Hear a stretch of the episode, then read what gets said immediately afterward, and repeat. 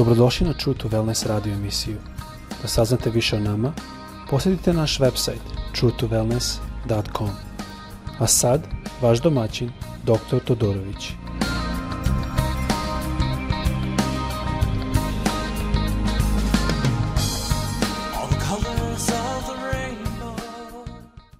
Draga braćo, sestre i dragi prijatelji, dobrodošli na ovaj podcast i danas želim da govorim o promeni, pošto je tek smo ušli u novu godinu i verovatno svi smo doneli neke odluke, neke spremne ciljeve koje želimo da ostvarimo. To vam je ono u smislu nova godina, novi ja ili nova ja. A, to je ono kad ljudi obećavaju sebi ja ću od nove godine da krenem u teretanu, krećem zdravije da se hranim, bit ću produktivna ili produktivan, ustajat ću ranije, učit ću više, raspremat ću redovno kuću i tako dalje. I zato često teretane imaju čak i upola sniženu članarinu mesečnu um, nego inače tokom godine jer znaju da ljudi obećavaju sebi i čak dosta ljudi krene u teretanu ali odustanu ili vrate se na staro. Zašto se to dešava? Zato što su krenuli u svojoj snazi. A jedan prelep primjer o toj pravoj radikalnoj promjeni jeste Pavle, odnosno Savle. Ko je bio Pavle? Pavle, kada je bio Savle, on je bio farisej u procesu. Hteo je, imao je još taj određeni period da se dokaže i da utvrdi svoju um, reputaciju među farisejima. Da bi to odradio, on je progonio hrišćane, zatvarao ih, ubijao ih i hteo je da ide u Damask da to isto radi. Međutim, na putu za Damask dešava se jedan preokret, jedan neočekivani preokret o kome ću pričati detaljnije kada budemo odslušali pesmu kako je Isus kralj našeg srca i kako je On naš izvor i kako je On naša snaga.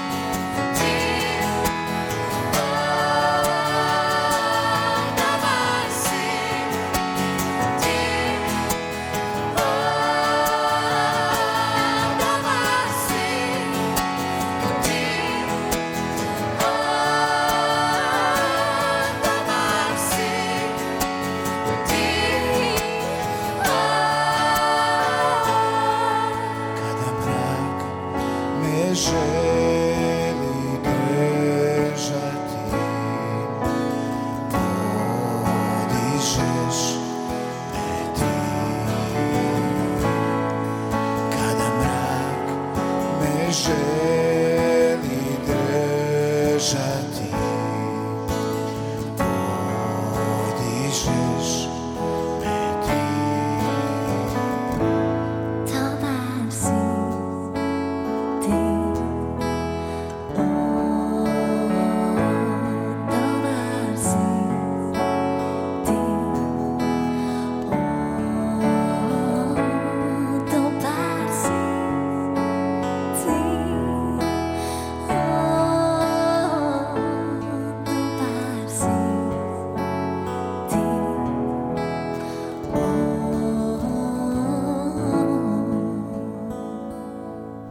Stvarno jedna prelepa pesma um, koja me uvijek podsjeti kako je Isus kralj srca mog i kako ne treba da brinem već da predam sve njemu i podsjeti me odakle moja snaga dolazi i kad mi je teško da je on ta tvrđava u kojoj mogu da se sakrijem. A sada bih prešla na reč i želela bih prvo da pročitam par stihova koje opisuju Savla. Dela apostolska 8.3 A Savle dosađivaše crkvi jer iđaše po kućama i vucijaše ljude i žene te predavaše u tamnicu. Dela 9 od 1 do 2 stiha. A Savle, još dišući pretnjom i smrću na učenike gospodnja, pristupi k poglavaru svešteničkome i izmoli u njega poslanice u Damask na jezbornice, ako koga nađe od ovoga puta i ljude i žene svezane da dovede u Jerusalim. Um, ovdje možemo da zaključimo da je Savle bio najgori neprijatelj hrišćana u to vrijeme. Se reći da ih je mrzeo i da ih je vrlo slasno progonio i zatvarao. E sad, zašto je on baš hteo da ide u Damask? Um, Damask je bio udaljen od Jerusalima oko 240 km i Damask je bio ključni trgovački grad u to vrijeme. I mnogi putevi kojim je išla roba između drugih gradova su upravo prolazili kroz Damask. Dakle, Damask je bio kao raskrsnica, neka gdje su svi putevi prolazili. Um, možda je Savle mislio da ako pobije sve hrišćane u Damasku, da će tako spriječiti širenje hrišćanstva u veće gradove i tako utvrditi svoju karijeru kao fariseja. Međutim, Savlo put za Damask nije baš po- prošao kako treba, kako je on planirao. Dela 9, 3 do 6. A kad beše na putu i dođe blizu Damaska, u jedan put obasja ga svetlost s neba i padnuvši na nebu ču glas gde mu govori Savle, zašto me goniš? A on reče, ko si ti gospode? A gospod reče, ja sam Isus kojega ti goniš. Teško ti je protiv ubodila praćati se. A on dršćući od straha reče, gospode, šta hoćeš da činim? I gospod mu reče, ustani i uđi u grad, pa će ti se kazati šta ti treba činiti. Savle je video Isusa i to nije bila vizija ili san, već sam Isus. On se susreo licem u lice sa Isusa. Isus je rekao, zašto me goniš? Zašto je on to rekao? Zato što ko progoni hrišćane, progoni njega, jer je Isus u srcima hrišćana. Matej 25.45 Tada će im odgovoriti govoreći, zaista vam kažem, kad ne učiniste jednome od ove moje male braće, ni meni ne učiniste. Savle je oslepeo i odveli su ga u Damask i tu nije jeo dana niti pio. Ta tri dana su sigurno bila užasno teška za Pavla psihički. Um, sigurno se sećao svih lica kojeg je on ubio, mučio, progonio i zatvarao. Ali ipak i pored svega toga, Bog mu je oprostio i dao mu je snagu da nastavi dalje. Ovde stvarno vidimo da ne postoji ni jedan greh, um, nije, niko ko nije toliko daleko od Boga da Bog ne može da mu oprosti i da ga promeni. Dalje što se dešava jeste da Isus šalje svog učenika Ananiju, koji se prvo uplašio jer je znao da je se znalo da dolazi čuveni Savle u Damask da ubije da zatvara hrišćane. I on se uplašio. Dela 9.13. Ananija odgovori, Gospode, i ja čuh od mnogih za toga čoveka kolika zla počini svetima tvojima u Jerusalimu. Savle je bio strah i trepet. Ali Ananija ipak poslušao Boga i otišao do Savla da mu služi. Treba da verujemo Bogu i da idemo tamo gde nas šalje, iako na izgled izgleda strašno. Jer da pođem i dolinom sena smrtnoga, neću se bojati zla, jer si ti sa mnom, štap tvoj i palica tvoja teši me. Psalam 23. Dela 17 do 18 I pođe Ananija i uđe u kuću i metnuši ruke na nje reče Savle, brate. Akcenat na brate, e, jer to, e, ovdje ću za kratko zastati, jer um, bitno je da smo poslušni Bogu, iako nekad ne, nam se neka osoba ne dopada. Um, ovdje vidimo da Ananija oslovljava Savla sa brate, pokazujući da Ananija smatra Savla bratom u Hristu i tako pokazuje ljubav prema njemu. Iako zna, uh, iako je bio uplašen, iako je zna, znao šta je on sve radio. Volimo ljude i bližnje svoje jer je to i Božja zapovesta. Nastavljam uh, dela 17.18. Gospod Isus koji ti se javi na putu kojem si išao, posla me da progledaš i da se napuniš duha svetoga. I odmah otpade od očiju njegovih kao krljušt i odmah progleda ustavši i krsti se. To je jako divno jer Pavle nije čekao nešto više. On je čim, spoz, čim je spoznao istinu, on se odmah krstio. Tako obično biva i za nas. Kad shvatimo da je Isus sve što nam treba um, i kada nam on oprosti grehe, kada nas promeni, želimo da mu služimo do kraja života. Jer shvatimo koliko je njegov, njegova ljubav velika i koliko je njegova ljubav prevazilazi našu grešnost. Pavle pre nego što je Ananija došao, on se molio i to jasno kaže Bog i u delima 9.11. A gospod mu reče, ustani i idi u ulicu koja se zove Prava i traži u domu judinom po imenu Savla Taršanina, jer gle on se moli Bogu. Pavle se vjerovatno molio za oprost njegovih greha. Sada promenjen, kršten, on je nakon što se okrepio otišao da svedoči o tome šta je Isus uradio za njega. Dela 9, 20 do 21.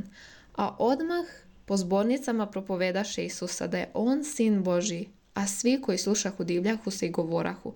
Nije li ovo onaj što gonjaše u Jerusalimu, onaj koji spominjahu ime ovo?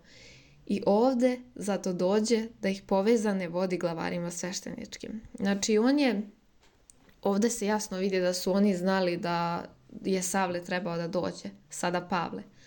I zato je Pavlovo preobraćenje toliko snažno. Od ubice hrišćana on je postao jedan od njih, a kasnije je progonitelj bio prognan. I Pavle je, kao što sam rekla, dokaz da ništa njemu nije nemoguće i da niko nije predaleko otišao. Da Bog ne može da ga promeni sa njegovom ljubavlju. Pavle je bio i jeste živo svedočanstvo Božije moći i kako moramo lično da se susretnemo sa Bogom. Ne bukvalno licem u lice, da bi došlo do promene, do iskrene promene u našim srcima i da bi mi shvatili um, šta smo sve radili. Isus ima moć da nas promeni ako mi želimo. Zato neka ova godina, neka naša novogodišnja odluka bude usmerena ka Bogu. Da mu obećamo da ćemo makar pokušati da promenimo neke stvari.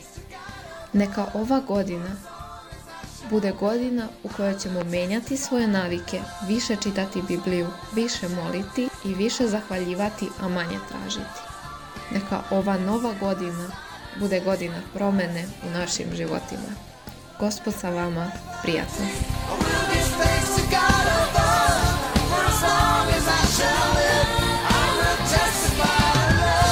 Slušate True to Wellness radio emisiju. Pridružite nam se ponovno. Za kontakt molimo posjetite naš website truetowellness.com. Naša e-mail adresa je info at truetowellness.com.